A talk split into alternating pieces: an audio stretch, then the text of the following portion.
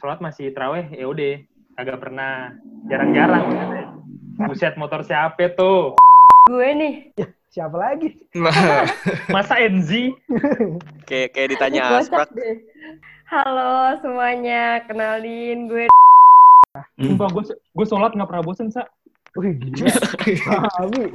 kalau gue bosen sih gitu-gitu doang. Astagfirullahaladzim. gue di sini pengamat orang-orang yang suka dengan konspirasi.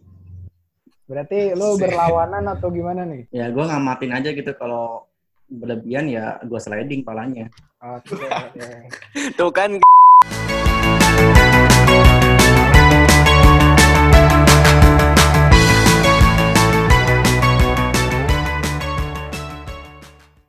Uh, Assalamualaikum warahmatullahi wabarakatuh. Selamat datang di episode ketiga broadcast BPAD Laboratorika Podcast di hari ke-16 bulan Ramadan ini kita rekaman ya. Uh, di sini kembali lagi bersama gue Ken Rangga dan gue udah ditemani teman gue nih uh, narasumber sebagai apa ya partner aja lah di podcast episode ketiga ini. Uh, siapa ya kira-kira kenalin diri dulu lah dan langsung. Oke, halo. Nama gue Adam dari anggota lab BPAD Laboratory Club. Tapi kayaknya udah pada kenal kali ya sama lu Dan ya? Iyalah, famous gue. Oke, eh, gimana kabar lu? Alhamdulillah baik di rumah aja gue kan nggak boleh keluar. Terus eh, Iya, gitu ya, gitu. gimana kesibukan lu di tengah pandemi ini di rumah? Ya, sebenarnya ini momen momennya gede banget sih. Kan kita baru selesai uas ya, kuliah udah ini nih liburan. Hmm. Ini gue bingung nih tiga bulan ngapain aja kan masa mau rebahan doang. Ya, terus Akhirnya gue gue meet sama teman-teman SMK gue dulu kan. Hmm. Ada rencana gue bikin ini software host gitu. Terus terus terus gimana? Coba ceritain Kalau kegiatan- lebih jauh tentang software house lu. Dulu kan gue sejak apa dari SMK kan gue jurusan software engineering. Oke. Nah, terus gue biasa tuh lomba-lomba web design. Cuman semenjak masuk kuliah gue mencoba meninggali eh, programming. Sekarang jadi butuh lagi kan bisnis segala bisnis ber- ini nih banyak yang bangkrut, nggak laku. Hmm. Nah gue ngeliat peluang di dunia digital. Oh, berarti eh, lu ngelihat eh, programmer itu sebagai eh, peluang bisnis buat lu di masa depan gitu. Ya yang menguntungkan di masa pandemi ini. Oh iya. Kira-kira Iya pagi hiburan.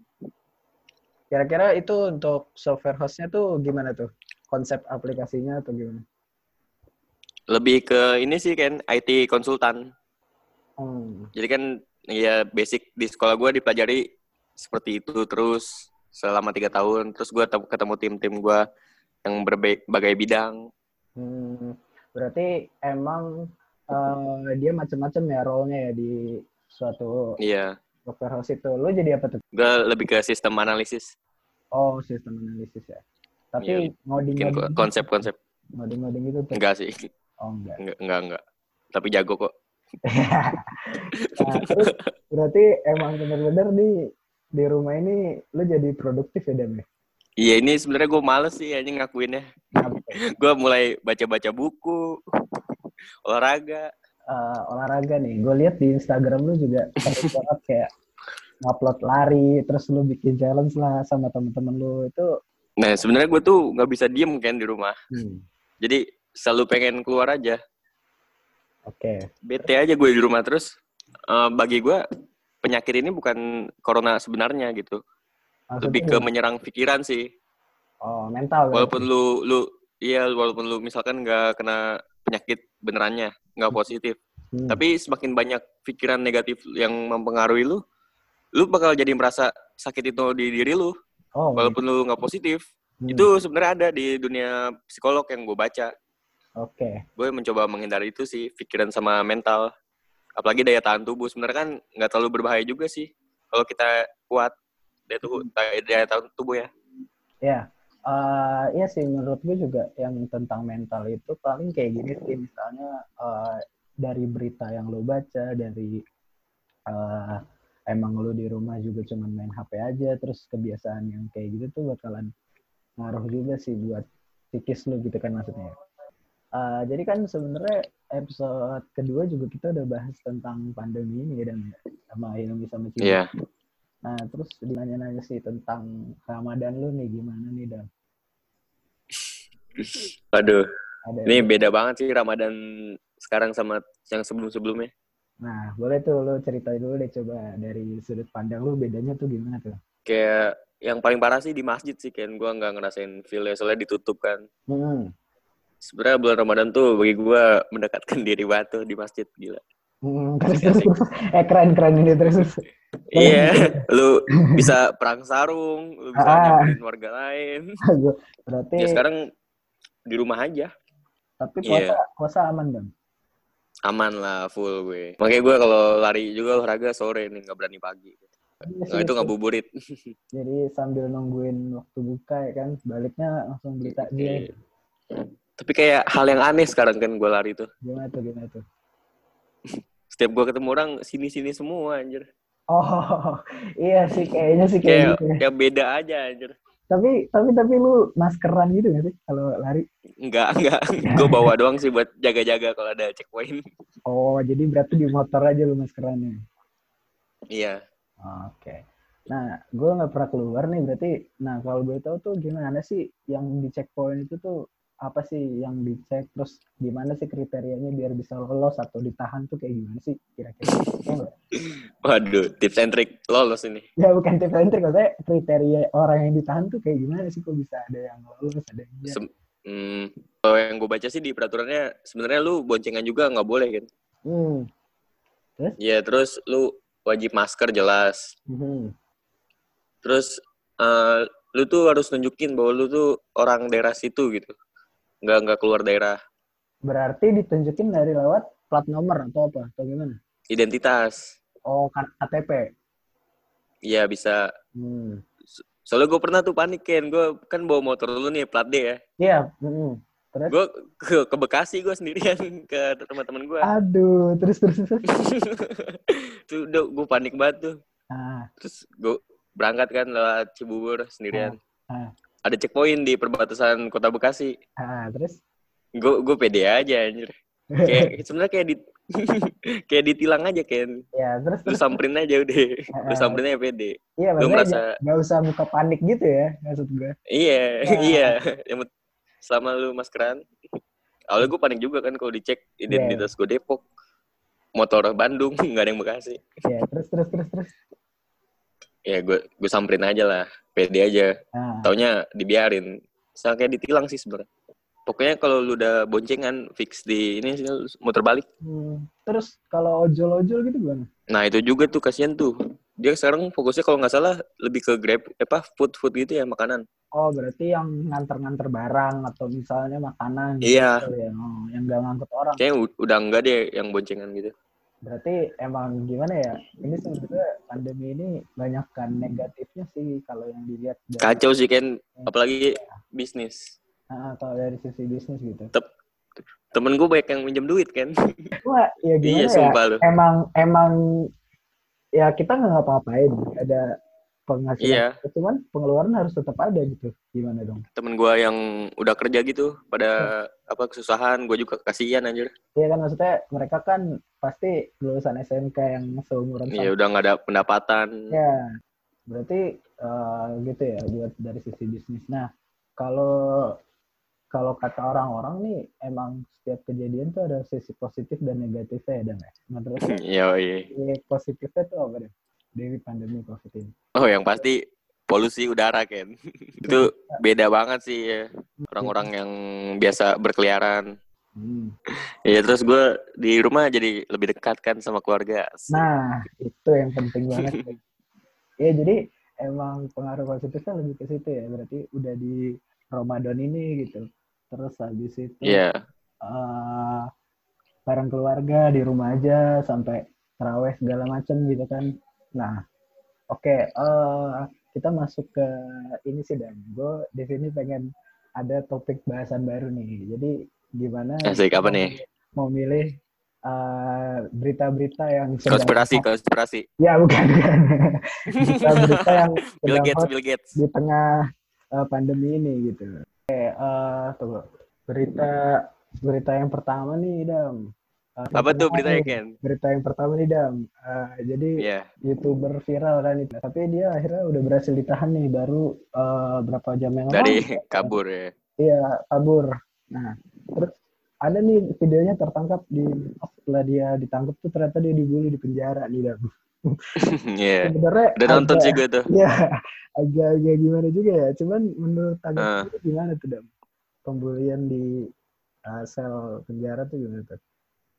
Sebenarnya eh, dia juga salah sih. Soalnya kan pembag- pembagian apa tuh ngeprank-ngeprank sembako sampah ya. Iya, iya. Itu ada yang ini juga kan bertanya-tanya Nah, kenapa harus di penjara gitu, kenapa nggak dihukum aja? Itu kan bukan tindak kriminal. Iya, terus Tapi menurut gue emang harus di ini sih emang salah dia. Ngepranknya nggak wajar. Dan gue juga sebenarnya nonton dia kan dulu anjing. Ah, serius? Wah, Iya, gue udah tahu dia unik dulu. lu. Lu unik banget nih. Gimana, yang lalu. Sumpah. Gue Cerita tuh dulu pengen mengenal tentang Bandung. Ah, Gue buka ada channel dia, gue tontonin aja dunia malam ya. Sumpah Gitu. kan. oh, Ya setahun yang lalu. Kaget gue sebenarnya dia dia ditahan. Oh, gitu. Nggak nggak terlalu terkenal soalnya. Iya, gue tuh sebenarnya awalnya mikir nih orang ada yang nonton gak sih sebelumnya gitu. iya, nggak terkenal sebenarnya. Pas banget gue ngomong sama lo, eh taunya lu udah pernah nonton gitu sebelumnya. gue udah gue udah kalau lu pengen tahu dunia malam Bandung, gue saranin itu. Tapi kayak udah dihapus-hapusin sih. Ah, berarti berarti emang kayaknya juga udah di blok.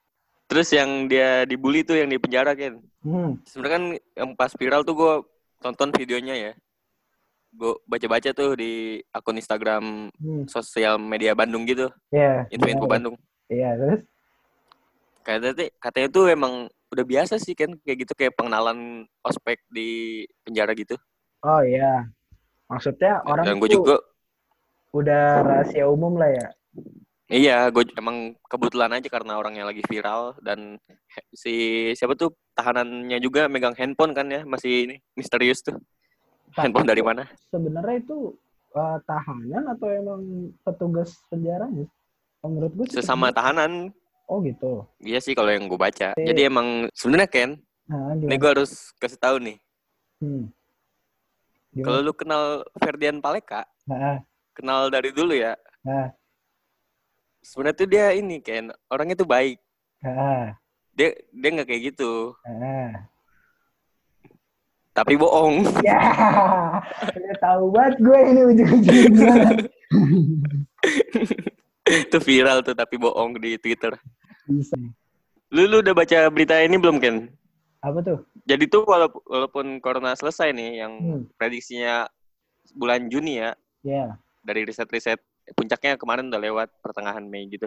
ya. Terus? Eh, walaupun udah pulih nih eh, penyakit pandemi corona, Ya. kata itu normalnya tuh bakal beda gitu. The new normal, Oh, kebiasaan ya. kebiasaan masyarakat. Hmm. Mungkin gue Kayak- tahu sih salah satunya kayak mungkin jadi lebih ber- merasa higienis gitu gak sih? Jadi lu Iya. cuci tangan gitu. Gimana? Sebenarnya tuh dulu gua risih banget sih sama Oh iya, gue paling males sih lihat orang pakai masker. Mungkin sekarang Iya. udah jadi keharusan kali ya walaupun pandemi udah selesai. iya makanya itu tuh. Aduh gimana ya? Mau gak mau gue juga ikut-ikutan. Gak bisa. Ya udah berarti eh, udah tuh buat beritanya udah sih paling kayak gitu. Nah, gue tuh sebenarnya ada satu segmen lagi dah. Gue mau Apa tuh? gue tuh tadi siang udah buka question box di Instagram gue. Jadi gue mau baca-bacain deh apa aja nih dari yang temen-temen gue, followers gue sampein lewat pertanyaan gue nih. Sebelumnya pertanyaan gue tuh Pertanyaannya apa tuh? pertanyaannya tuh eh, setelah pandemi COVID ini tuh kalian mau ngapain sih? Nah, kayaknya Iya. sebenarnya dari eh, 60% tuh jawabannya benar, maksudnya searah dengan tujuan gitu. Cuman Apa aja tuh jawabannya? ya maksudnya untuk 40% sisanya tuh kayak wah kacau banget sih maksud gue. Gue masuk yang mana gue? Aduh. Oh iya, lu ada juga itu dia. Oh iya. Ah, masuk yang 40% sih lu mah. Oke, jadi yang pertama nih, gua mah pengennya kuliah, bosan gua kuliah online mulu, dikerjain mulu sama dosen. Berarti emang gimana ya? Struggle-nya banyak banget sih untuk kalau kuliah online. Sebenarnya bukan di tugas kan. Ini dari Hilmi Sufyan. Dia katanya pengen banget ke bengkel, padahal motor gua nggak rusak, pengen aja lah. Anak tongkrongan, anak tongkrongan. Orang di bengkel. Apa dia mau bikin video yang ini, yang apa? Ikan di jok gitu tuh, yang Vespa. Tahu ju- Sama tukang es krim. bukan ikan, bukan ikan dam. Itu jualan Apa? jus, jualan jas jus itu. Oh iya, sama bakso. Ya, iya. Iya, Pertamanya ikan kan. Iya, bakso, jas jus. Jajan kan. temannya dia itu. Iya, bisa. Temannya. Hilmi. Masuk tuh. Terus ada lagi ini dari teman gue nih pengen riding ke Bandung sih. Oh, gue juga banyak, Asik. Gue banyak banget nih kayaknya yang pengen balik ke Bandung lagi sih dari Tep. anak-anak Telkom nih. Mungkin dia mau ini kan mengenang Bandung. Oh, ya berarti. Nah, daripada jauh-jauh ke Bandung, mending nonton channelnya Ferdian Paleka. Nah, mantap, mantap. Ya ya, ya, ini emang Jangan lupa di-subscribe. oke. Temen gue itu. Oke, ada lagi juga nih yang paling jawabannya yang paling oke sih menurut gue dari temen gue nih. Oh, jawaban gue nih pasti. Katanya pertama bersyukur, yang kedua karena yang pertama bersyukur karena udah berhasil berakhir pandeminya, yang kedua itu mau kulineran, Iya. mau kulineran, wah. Makan mulu. Iya, pikirannya makan mulu manusia emang. Nah, ngomong-ngomong soal Q&A nih di Instagram, gue kemarin tuh baru baca dua hari, Hah? tiga hari lalu gitu. Eh, jadi katanya kalau misalnya emang Instagram lu, ah, kan ada bisnis account sama ya gitu Hmm. account ya. Nah, kalau bisnis account dan Instagram lu tuh kayak gimana ya? eh, nggak private gitu. Tuh banyak Hmm. ntar lu buka question box banyak yang jawab orang-orang random dan jawabannya tuh nggak sesuai gitu sama uh, pertanyaan lu gitu. Dan gue juga Iya, pengen ngetes nih tadi hari ini. Eh ternyata gue juga pernah sih kan udah lama itu. Nah ternyata bener dan gue baru tahu itu. Ternyata Dulu bener. apa jawab apa? Nah ada orang Rusia nih sekitar empat orangan. Dia ketik bahasa Rusia gue kok gak tahu. Habis itu ada lagi yang mana ya? Ada orang orang luar. eh, dia promosi dag, apa dagangannya dia. Tapi Sama itu yang gue rasain kan. Cuma Iya. gue Indonesia semua. sebelumnya dia ngomong gini, another world quarantine survey kata dia. Buset kata gue. Baru Asik. bawah bawahnya, Ngerti dia. iya bawahnya baru jualan jualannya dia. Ini maksudnya Iya juga gitu kan.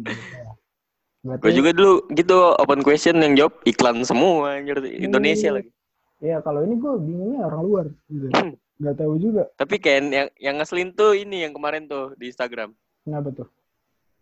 Yang postingan panjang gambar gitu. Oh iya, tahu. Itu Ah, ngeselin lihat. banget sih. anjir. Langsung Ah. gue report aja. Oke, ini ngomong-ngomong soal postingan panjang nih, kita punya bintang tamu yang kemarin salah satunya juga dia ngepost postingan Oh iya, Cuman, ABIY, ABIY. cuman kita kayaknya harus panggil dulu deh bintang tamunya. Oh iya.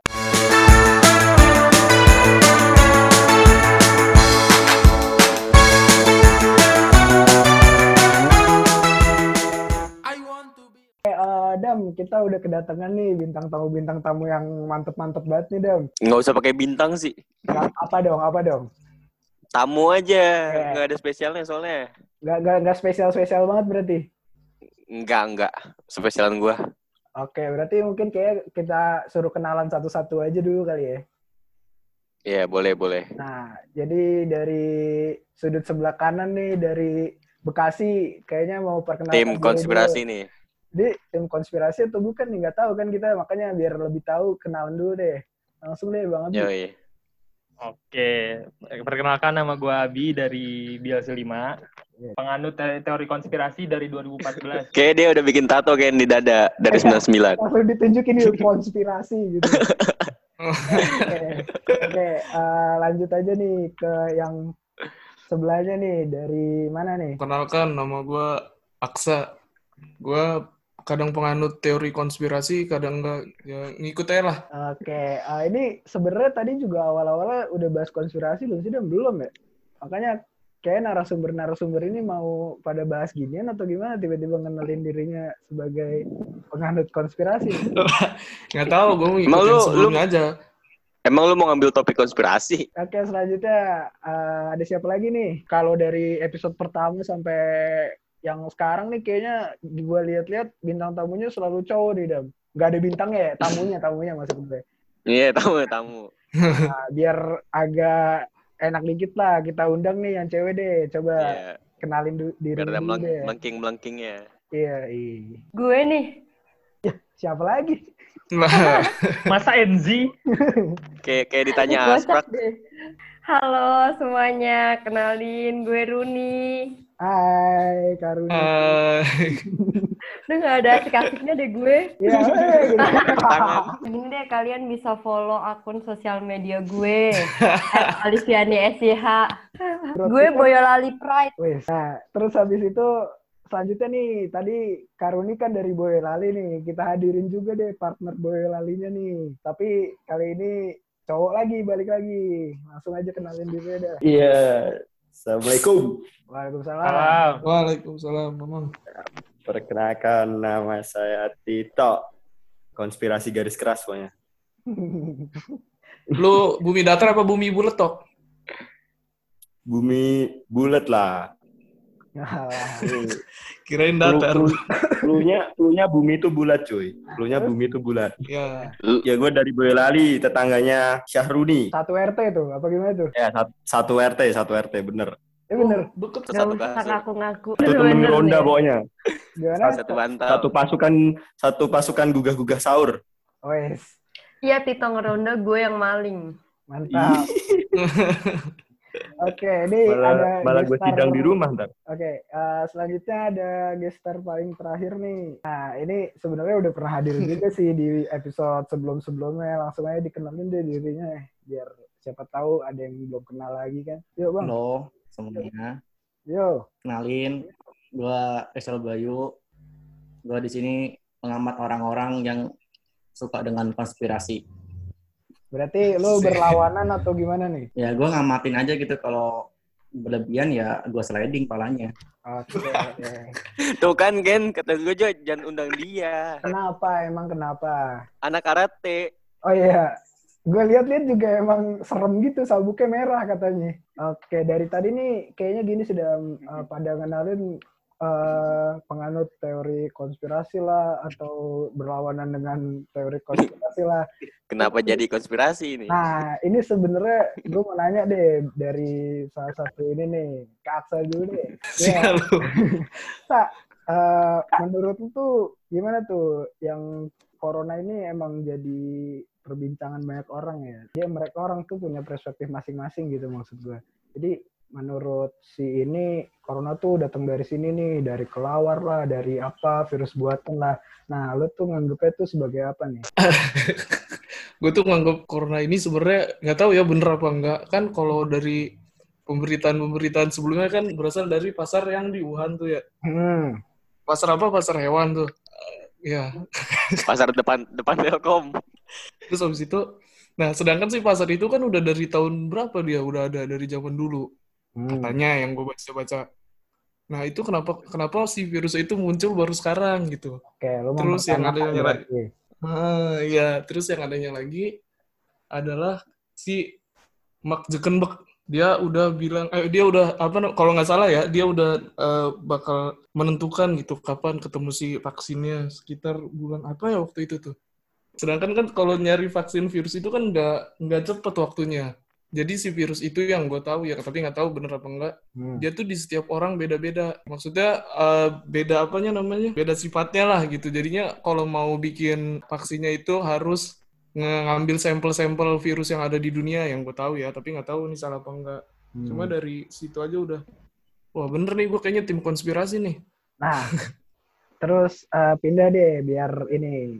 eh, tadi udah ada yang mengandung konspirasi nih. Kalau misalnya dari sisi yang berlawanan Kau. gimana nih bang, bang Axel, menurut lu? Kata gua nih, kalau misalkan disebut konspirasi, aku nggak tahu juga sih. Tapi gue lebih orang yang realistis gitu. Maksud gue, gimana pun caranya kan, ini musibah kan, yang dialamin banyak orang gitu. Hmm. ya kalau misalkan musibah kita terlalu fokus dengan konspirasi ya nggak akan ke mana-mana kata gue gitu Ter- terlepas gue sebenarnya nggak terlalu percaya sama teori konspirasi ya. karena konspirasi itu nggak masuk dalam sains gitu kalau kalau anak kan konspirasi itu nggak ada fakta dan data gitu yang akurat ya fakta data teorinya pun teori teori-teori yang masih belum bisa dipastikan kebenarannya Kata gue sih gitu. Oke, berarti eh, lu ngambil dari, dari sisi saintis tuh Oh, iya. dibuktikan juga ya bang ya. Iya, secara ristek sih ini nggak nggak masuk kata gue. Respect lagi. ya udah, eh, oke, gue bisa agak nerima sih mungkin kedua pendapat ini ya. Oke, eh, sebenarnya untuk yang bahasan COVID ini kita udah pernah bahas juga ya ya di episode kedua kan waktu itu. Cuman waktu itu emang belum sampai eh, korbannya tuh belum berjatuhan banyak ya nggak sampai sekarang nih. Iya. Nah, ngomong-ngomong soal korban juga nih, menurut lu kan uh, pemerintah tuh sempat uh, menyembunyiin nih identitas dari Hmm. korban, terus habis itu jumlah datanya itu nggak sesuai sama yang ada di lapangan gitu. Nah, menurut uh, kalian nih gimana sih seharusnya tindakan dari mereka gitu? Uh, pemerintah itu emang harusnya dari awal transparan atau emang kayak gimana gitu dan langkahnya itu udah bagus atau belum deh gitu langsung deh ke siapa ya bang Abi deh bang Abi deh Nih korban ya. eh Iya, Langsung dari korban. korbannya nih. Iya, gila lu. Baru. Nah, berapa nih hari ini berapa orang kena tuh? 13 ribuan kalau nggak salah tuh kan, 13 ribu Wah. plus plus lah. iya Udah kena, nah, apa namanya, terjangkit gitu. Eh, terus, apa lagi namanya, dia tuh, di Indonesia tuh nggak tahu sih, ya kan gue mantaunya ya kita rata-rata via sosmed aja kan kita yang mantau si persebaran virusnya ini. Gue nggak tahu em, gimana ya, dari sisi gue pun, walaupun pemerintah nggak transparansi maupun transparansi kita intinya tetap harus ini juga sih eh, manfaatin diri kita tetap social distancing tetap physical distancing sih. Jadi walaupun transparansi nggak transparansi sih gue nggak masalah sih. Intinya ya gue tahu loh Indonesia udah segini kasarannya segitu walaupun udah lebih pasti lebih sih. Kan nggak semua nggak semua orang juga ke detect lah tiap harinya gitu kan oke. Berarti emang itu lebih ke antisipasi diri sendiri masing-masing kali ya? Iya. Oke, Eh, tadi lo juga udah nyebut nih yang tentang physical distancing nih. Nah, kan Hmm. mungkin kalau eh, gua, Bang Abi, terus Adam, Aksa ya kan anak Jabotabek nih, maksudnya emang udah berlaku PSBB nih dari iya beberapa minggu lalu lah gitu. Nah, gue mau nanya nih da- untuk duo Boyolali gimana sih di daerah kalian nih? Kira-kira udah Pak maksudnya masih ada yang keli- keliaran atau gimana? Atau masih pada belum patuh sama aturan atau gimana sih? Coba silakan deh. Mau siapa dulu, TikTok atau Karuni sok? Kalau di Boyolali sih mungkin eh, untuk terdampaknya belum terlalu kelihatan ya. Jadi mungkin orang-orang mungkin masih masih ada yang eh apa sih virus corona kayak gitu. Jadi Hmm, ya untuk aktivitas biasa sih masih masih berjalan seperti biasanya ya mungkin ada penurunan gitu. Ada penurunan aktivitas gitu tapi kelihatan ya di jalan-jalan masih rame, masih banyak yang keluar rumah, masih ada yang yang beraktivitas di luar, tapi ya tetap tetap social distancing gitu. Kalau di Boyolali masih itu. Nah, mungkin untuk kasus-kasusnya yang yang apa ya belum belum banyak lah di Boyolali, jadi masyarakatnya kayak ya masih belum percaya nggak percaya sih dengan adanya virus virus ini. Cuman ya masih ada yang ada juga beberapa orang yang yang apa ya ya ya tetap physical distancing, tetap work from home di rumah, mentaati peraturan juga ada, tapi ada juga yang masih masih nggak peduli gitu, masih ada yang jalan-jalan keluar, masih ada yang aktivitas di luar. Itu kalau di Boyolali. Boyolali zona merah gak sih? Tok. Boyolali ada beberapa daerah yang zona merah, ada yang yang yang masih rendah gitu. Nah, Ya untuk masih. eh, lu berdua nih, Karuni sama Tito, eh, mas- lu masih lu sendiri gimana tuh? Masih keluar luar atau atau udah ngurung di rumah aja nih? Kalau gue, gue sih masih keluar-keluar ya, cuman eh, lebih ke yang kalau nggak penting nggak usah keluar gitu, ngerti nggak sih? Jadi Ya, kalau misal lagi butuh kayak mau beli apa gitu, ya udah keluar keluar seadanya doang, keluar terus habis itu balik lagi ke rumah. Tetap di rumah aja, kalau nggak penting-penting banget nggak keluar gitu aja. Oh, berarti keluar boleh ya, tapi di dalam. Gimana tuh maksudnya? Gak, gak. Iya, keluar di boleh. mobil maksudnya. Iya, Ah, ah. Tapi Iya kalau kan kalau keluar tapi di dalam mobil, gitu kan? iya, iya. Terus deh. Keluar gue. Aduh. Oke, Eh, ini kan tadi udah bahas teori konspirasi, terus COVID juga itu jadi perbincangan sehari-hari lah ya. Nah, gue mau nanya dong, Ramadan vibes lu nih pada kayak gimana sih? Kan beda-beda pasti kan tiap daerah nih ada yang eh, masih perang sarung lah, apa ada yang cuma di rumah doang gitu kan. Dari siapa ya? Ya udah berarti sekarang balik deh ke Bang Abi deh, Bang. Gimana Bang kebiasaan Ramadan lu nih eh, di tengah pandemi Covid ini? Kebiasaan Ramadan masih sama dari tahun ke tahun. Eh, Nggak sholat terawih. Sholat masih bolong-bolong. Begadang sampai pagi. Ya, maksudnya eh, gimana ya? Tetap tetap aja sih kayak di sini emang berubah banget gitu, total. Jadi berat yang di yang tahun tahun-tahun sebelumnya itu kita apa namanya masih mau lah terawih-terawih gitu kan walaupun ujung-ujungnya nongkrong kan. Eh, belok tuh. Iya, kan intinya kan yang penting kan kita kan silaturahminya aja kan. Ah, sepanjang umur. Iya. Ya habis itu kan ah udahlah. Udahlah sampai sekarang nih masih aja nih. Kalau dari diri gue sendiri sholat masih terawih ya udah kagak pernah jarang-jarang maksudnya. Buset motor siapa tuh?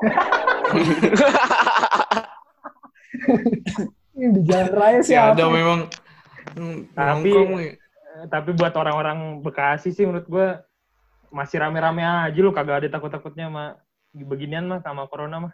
Berarti bagian B kalau Bekasi mah ya Bang ya? Iya, benar-benar susah bilangnya. Udah sering-sering kan apa di sub tuh kan. Nah, sore tuh mantauin kan yang nggak pakai masker suruh balik anjir. Buset kerat juga ya. Jadi kalau dari dari lingkungan gue kayak gitu-gitu aja dah, kagak ada perkembangan juga nih. berarti berarti emang dari diri lo ya biasa aja gitu nggak terlalu kontras ya. Iya. Ya kumpul-kumpul sama keluarga sih yang utama kalau di uh, Ramadan ini. ya.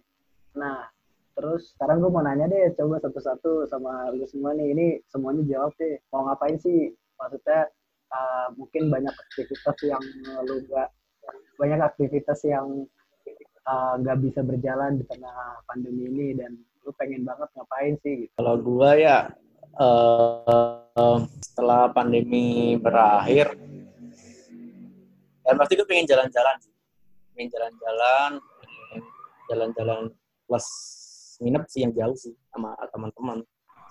Ya minimal kayak camping atau daki gunung ngeliat alam lah gitu kan. Mana lo masa lo nggak kangen itu kan ngeliat alam udah berapa bulan nih? Gua hampir di rumah sebu- dua, dua bulan ini sih masuk dua bulan ini. Cuman bangun tidur bangun tidur mulu liatnya suasana rumah mulu kan emang jadi agak ini juga sih uh, bosen juga lama-lama kan walaupun iya ya benar lagi bosen. ya mintanya libur mulu pas sudah dikasih libur kayak gini nggak ini juga lama-lama stres juga terus uh, berarti lu lebih ke uh, alam gitu ya berpetualang gitu bang bisa tuh Iya. padam tuh berarti iya iya. Senja kopi, senja kopi. Sejauh kopi tapi gua nggak naik eh, nggak ikut astakala ya nggak ikut astakala ya.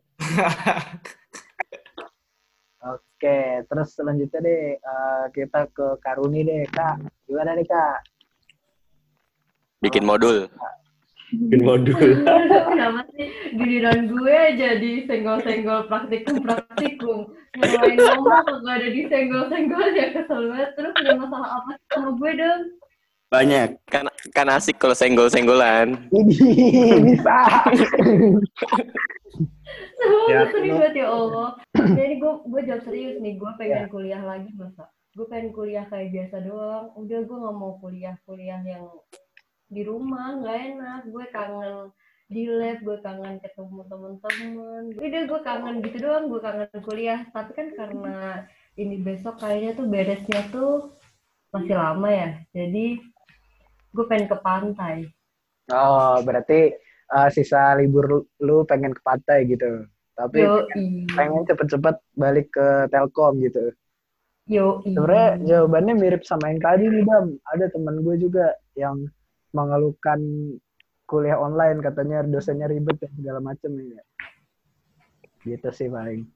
Terus eh, gue lempar ke Tito deh, Tok. Kalau dari pribadi sendiri sih pengen pengen apa ya? Pengen Duit. segera bener pengen duit pengen segera mengobati rasa rindu lah sama teman-teman, sama keluarga, sama sahabat yang tadinya kalau balik ke Boyolali yang dicari kan main basket atau enggak jalan-jalan ke mana, sepedaan kayak gitu kan. Nah selama pandemi ini balik ke Boyolali ya udah di rumah aja gitu, nggak ada aktivitas lain gitu. Nah untuk untuk masyarakat sendiri ya harapannya sih setelah pandemi ini semua kegiatan-kegiatan positif selama pandemi ya tetap berjalan gitu. Seperti apa ya kegiatan donasi-donasi seperti itu harusnya ya tetap tetap berjalan gitu. Jangan jangan cuman karena pandemi selesai terus sudah nggak ada kelompok-kelompok yang yang terketuk untuk berdonasi ke- kepada sesama seperti itu kan. Terus Oke. hidup, hidup bersih gitu tetap berjalan gitu gitu aja sih ambil ambil sisi positifnya lah dari dari pandemi ini tetap dijalanin gitu setelah pandemi. Ya, oke tadi lu udah bahas soal donasi, Tok. Hmm. Nah, berarti lu emang sementara ini gerakin ini juga ya, eh, donasi buat eh, korban-korban atau mungkin gimana tuh yang gue sering, Ngeprank sembako. Gue yang sering lihat di Instagram lu tuh kayaknya ada donasi apa itu? Iya benar-benar. Kalau gue sendiri gue mikirnya mumpung ada keluarga ya di Boyolali selain selain keluarga inti lah. Nah itu Hmm. ada keluarga keluarga kita seni lah. Nah Di- di situ ada ada orang-orang di situ kan. Nah gue ajakin buat buat buat donasi gitu. Kenapa? Apa sih yang bisa kita lakukan gitu hal kecil yang bisa kita lakukan selama pandemi? Ya salah satunya yaitu donasi ini. Ayo kita bareng-bareng donasi, mengumpulkan donasi, kita bantu orang-orang yang terdampak sama pandemi ini kan contohnya seperti pejuang nafkah yang mereka harus tetap tetap eh, berjuang keluar rumah untuk mencari uang untuk mena- menafkahi keluarganya nah itu sasaran utama kami untuk untuk kami bantu gitu Oke, berarti lebih ke profesi-profesi yang lapangan kerjanya terhenti karena COVID ya? Mm-mm, kalau Bukan- kalau di kalau Bukan mereka ke nggak pasien-pasien itu ya? Bukan ke yang pasien bukan kalau Oh, ya. kalau ini sasarannya lebih ke ke ini orang-orang terdampak lah orang-orang terdampak pandemi gitu Oke, oke. Bagus sih. Bijak Itu emang. Positif banget dah. Terus corona pandemi gini nggak ada tok ludruk-ludrukan apa masih ada? Ya ada cuy kemarin kemarin tuh mau ini kan kan ada peringatan Hari Tari Dunia tuh. Nah teman-teman duta seni tuh mau bikin acara ini acara gede-gedean gitu peringatan Hari Tari Sedunia gitu. Nah udah direncanain kan, udah bikin pelatihan tiga bulan gitu buat Yo, Bu. si si at- apa ya si si ini pengisi acaranya gitu buat pelatihan gitu kan udah bikin bikin bikin eh taunya kayak gini nggak jadi Tapi kalau kayak gitu nggak bisa online ya berarti ya? Nggak bisa cuy. Cuman di- diganti kegiatannya. Diganti yang itu beksan beksan ramadan itu. Oh. jadi harinya ntar live IG duta seni gitu. Lu ikut-ikut gitu dari kapan sih? Dari sebelum S- SMP kelas 1 SMP kelas 1 ya di- dikirimnya itu pas Bang, tuh. SM eh, SMA SMA kelas 1 dikirimnya pas SMA kelas 2 Wah gila lu udah udah apa ya aktif banget berarti ya, dari zaman dulu ya. Kalau Karuni gimana Karuni? Kagak ikut gitu-gituan kak? Gue pernah deh kapan ya eh, SMA ada kegiatan kayak gitu tuh. Terus gue ikut yang apa sih tuh yang seribu penari tuh tau gak sih? Hmm, seribu penari menari, seribu Nah pelajar itu menari. gue ikut. Anjir panas banget. Lu Terus nari gue kayak kak? ah udahlah nggak mau lagi. Ya menurut lu masa gue bikin komedi di sana? Siapa tahu lu nonton doang kan? Siapa tahu lu nonton doang. Nari gue nari. Apa itu yang seribu orang yang Banyuwangi apa? ya? Gandrung Banyuwangi apa sih? Ya itu sejenis kayak gitulah. Ih, Kalau ini seribu pelajar gitu nari gitu. Oh, ini seribu pelajar ya. Nah Hmm. benar-benar. Tapi Ya, yang tok. ngitung siapa? Jadi tiap sekolah itu harus ngirimin minimal segini segini segini gitu. Jadi total Oh seribu. berarti Kalau ada yang cabut, Tergantung yang cabut berapa dulu. Iya iya iya, benar benar Iya. benar. Langsung deh tadi udah bisa tuh motor siapa? ember ember. Ber-ber. Dia kayak lagi nontonin apa tuh? sorry sorry, lagi lagi di tongkrongan gua. Ya Allah. Hmm, gaya lu nyuruh-nyuruh social di- distancing. Ya dia tunggu di Ciduk, Iya, iya. di Ciduk tim Jaguar Depok aja dia belum tuh. Habis ini ke Aksa. Gimana Sa? Gua kalau ini udah berakhir nih ya, Ah. ya udah cuma pengen ketemu teman-teman doang. Soalnya teman-teman gua apa-apa kalau ngajak, ntar ya habis corona, ntar ya habis corona. Ya Allah, kapan Nah, Pertanyaan gue, kelarnya ini? Corona kapan kelar? Nah, makanya itu cuma orang-orang jawab ntar habis corona, ntar habis corona, Hmm, oh, numpuk semua dah. Bingung kan. Yang penting pengen ketemu temen-temen aja lah udah lah. Sama ya pengen main lah intinya. Iya, pengen main. Kopi senja, kopi itu senja. nongkrong apa enggak bebas lah. Iya, yang penting ketemu temen-temen gitu ya. Yo, iya. Nah. Eh, coba deh langsung nih gue lempar ke yang terakhir Bang Abi. Gimana Bang? Apa? ya? Nonton Kalau kelar, kalau kelar corona ya, Iya. pengen ngentot. Eh sorry sorry. Pengen ini sih kan. Intinya gue Ah, udah lebaran, udah lebaran sholat tarawih bolong-bolong. Habis corona bikin kayak gitu. ini sih apa ya dari gue sendiri pun nggak muluk-muluk sih. Gue sampai sekarang uh, belum progres KP anjir. Maksudnya uh, ini uh, apa ya uh, buat pendidikan ngaruh sih. Maksudnya KP-KP gini masalahnya gue lebih suka emang kerja langsung ke kantor lah ibaratnya daripada kita online online gini soalnya berat data nggak jelas. Terus kita gimana ya kerjaan juga males. Jadi kan ibarat kalau di rumah-rumah gini. Oh, berarti Terus lu udah udah mulai sih. KP remote gitu Bang? Nah itu gue sampai sekarang belum belum dapat gitu loh. Jadi gue kayak seenggaknya kalau misalnya kelar cepet kan intinya gampang nge-apply gitu kan. Hmm. Emang sus- berdampak juga sih buat gak cuman individu masing-masing ya pendidikan juga termasuk ini juga sih orang-orang banyak pada gelisah juga sih sebenarnya. Gak cuman satu orang doang mungkin dari yang angkatan 17 yang harus ada kewajiban KP kan juga kayak gitu ya Bang ya. Iya maksudnya dampaknya luas nih nggak gue nggak gue doang nih. 16 kan juga ngaruhnya buat uh, sidang-sidang kan, sidang-sidang online gitu kan agak ribet juga mungkin. Kau Hmm. yang wisuda-wisuda itu kan Maret itu jadinya tunda juga ya? Iya pada ketunda semua tuh. Nah, iya sih makin lama malah lulus lulusnya ya kagak tahu juga sampai kapan. Iya Iya paling gue muluk-muluk udah sih gue pengen kelar sih kayak cepet-cepet kuliah deh mendingan deh. Ya, Udah kagak jelas nih dunia. biar lu cepet lulus juga ya bang ya. Yoi, biar bisa ngerum. Ini Kerat-kerat. kayaknya asik tuh apa nyewa villa di puncak gitu kan maksudnya bang room ya? Iya maksudnya makrab kan. Ya makrab. Iya, Mas. Kerap kan. Emang kalian netizen pikirannya Gak ada, tidak Sa- gak ada yang mikir, gak ada yang mikir kayak gitu lu aja. Iya ntar netizen yang denger kayak maksud gua. Ah. Nah, eh, paling kalau dari gue sendiri sih pe- pastinya sih pengen banget keluar sih. Terus juga sebenarnya gue tuh agak-agak gimana ya awalnya di awal-awal social distancing physical di rumah ini emang agak asik sih. Maksudnya gue eh, udah lama banget gak gitu eh, ngabisin waktu 8 jam tuh sampai main FIFA sampai gila gitu. Udah lama banget. Maksud gue selama semester 4 ini tuh kayak nggak pernah deh gue nyentuh tuh game tuh. Maksudnya jarang banget. Akhirnya ya di awal-awal gue ngerasa eh nih maksudnya gue kuliah bisa eh, paling sejam dua jam lah per hari terus sisanya ntar gue main lah gitu. Tapi lama-lama ke sini aduh capek juga ya maksudnya pengen ada suasana-suasana yang balik lagi kayak yang lama gitu.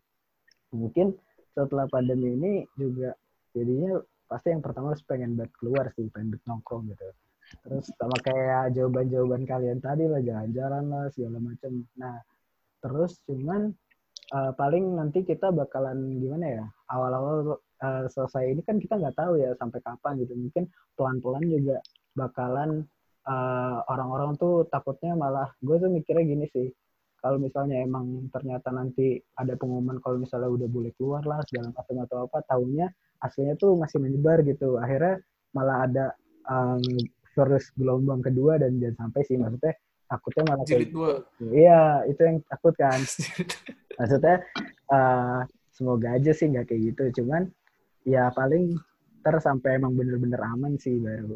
Cuman yang paling gue kangennya sih di tengah kayak gini sih yang yang nomor satu sih pasti nonton bola sih. Gue tuh berasa gimana ya anjir lah nggak ada ini banget hiburan banget gitu. Gue tiap hari tuh kerjaan YouTube paling nontonin itu aja tuh highlight highlight cuman ya capek juga malah bosan juga kan Nah, pengen itu sih gue pengen buat nonton bola sih sama main sama temen-temen Yang sebenarnya apa pun yang jadi rutinitas tuh bakal bosen dah kalau kata gua. ya iya sih bener juga sih Meskipun itu hobi lu ya, lu hobi nge-FIFA nih. Hmm. Tapi kalau udah jadi rutinitas lu tuh bakal bosen. Parah. Sumpah gue gue sholat nggak pernah bosen sa. Wih, gila. Kalau gue bosen sih gitu-gitu doang. Astagfirullahaladzim. Gue kayak, kayak gimana ya? Tadi padahal kagak terawih-terawih lu, Bang. Makanya dia nggak bosen-bosen, Ken. Orang jarang. Emang 2020 harus cepet kelar nih. Gimana tuh emang? Udah banyak nih ya 2020 orang-orang bagus hilang nih. Nah, makanya itu tuh. Gue pengen ke- cepet kelar kayak dah nih. Ya. Awal tahun kita yang nemu banjir ya. Ah, parah itu. Anjir. Baru buat hari pertama. Iya, terus Iya. selanjutnya Kobe Bryant kan. Terus siapa lagi? Ashraf kan. As- Asraf tuh, Hmm, iya. waktu itu kan gue praktikum Karuni tiba-tiba ngomongin Asraf, buset. buset, sempet-sempetnya si Rooney ngomongin Tempat-tempat Ashraf. emang nih. Tidak mengenal tempat. Gue sama Vina malah ditanyain, di mau ja- mau ganti eh mau jadi pacarnya BCL? Ah gila lu anjir. Terus nggak lama Ashraf cabut siapa ya? Maya Jokowi cabut kan? Eh lu ngomong cabut Jokowi. cabut kayak gampang banget lu bi. Astagfirullah. Kan beneran dicabut. Tetap kita cabut gitu nyawanya. loh. Mulutnya nggak disekolahin dia. Mulutnya work from home. Gak lama siapa ya? Grand Fredly dah. Grand Ya, Fredly. itu mah bulan-bulan lalu kan. Iya. Disusul Eh Didi Kempot tuh aslinya siapa sih? Sumpah gue baru tahu dua tahun terakhir ini. Tapi Aslinya emang- siapa? Nah, tapi dia kan langsung naik tuh namanya kan. Gue baru tahu setengah tahun terakhir inilah. Didi Kempot tuh siapa ya? Bener-bener baru gue tahu nih. Nyanyi. Iya kan gue bilang kenapa dia bisa setenar itu. Gue baru tahu sekarang tapi Ya kenapa? Sebenarnya tuh udah tenar tahu, cuman mungkin karena lu bukan di daerah Jawa, jadi lu kayak kayak cuma denger doang, kayak Didi Kempot gitu doang. Kalau di sini tuh udah kayak yang diagung-agungkan gitu loh, ngerti gak sih? hmm, Hmm, kan ya kan gue kan rantau nih. Kalau misal gue denger denger musik kayak gitu tuh kayak gue kangen kalau misal lagi di Bandung gitu. Jadi kayak gimana ya? Jawa banget gitu loh ngerti gak sih? Hmm, gitu. Itu dari dulu emang udah disukain anak-anak muda juga emang. Kalau anak-anak muda gue nggak tahu ya cuman bapak-bapak sih suka ya Iya, kalau bapak-bapak biasanya fansnya rame di mana? Suriname ya. nah iya. Heeh.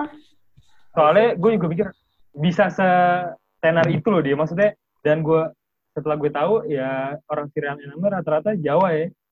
Ya. Iya. bener Iya maksudnya di gue maksudnya gue orang Indonesia pun baru tahu-tahu ini satu setengah tahun ini kan gue bilang. Terus Hmm. orang Suriname udah dari beberapa tahun yang lalu kan, ya kan.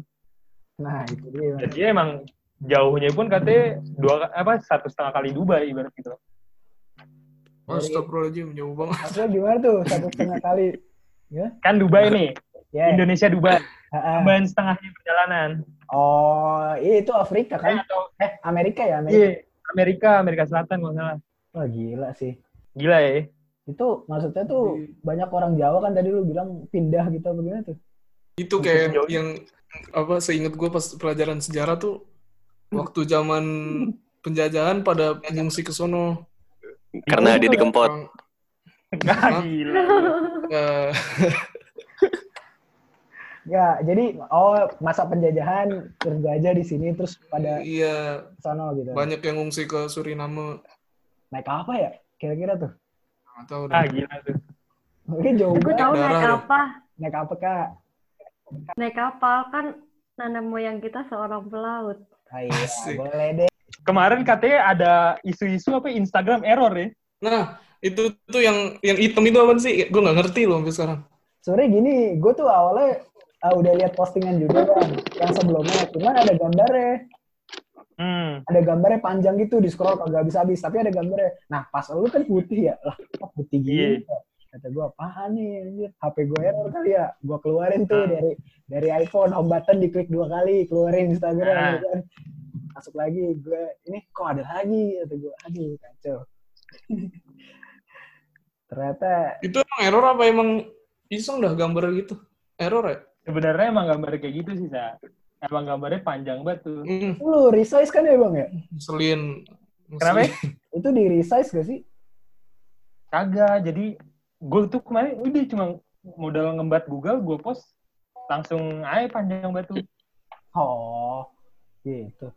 Soalnya ada tuh yang gue lihat kan Hmm. pas gue ke explore kagak tahu udah tiba-tiba ada ini orang bikin bikin foto kayak gitu Hmm. cuman ntar lu pakai aplikasi lagi apalah kagak tahu gua lupa Ya udah gua kira lu bikin juga kayak kayak gitu Enggak lah. Iseng-iseng si Abi. Eh, apa kabar si siapa? Paleka Paleka siapa sih? Nama depannya siapa dong? Ferdian. Ferdian. Ferdi. Oh iya, Ferdian. Si Ferdian udah di penjara berarti nih sama tiga temen ini. Udah.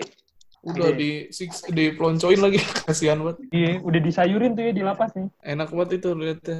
dia dia kabur emang- ke ini kan ke Merak kan Udah, Emang udah Palembang? Palembang. Udah, terus balik lagi di mau ke Merak, Bandung. Dam. Apaan sih orang dari Palembang mau ke Bandung? oh gitu Oh, ke Bandung lagi tuh tuh. Iya, udah cabut. Apa ya? Harusnya mah gue kira tuh ketahuannya sebelum di Merak tuh. eh gue juga tadi mikirnya kayak gitu ah kayaknya pas pengen cabut nih dia baru ketahuan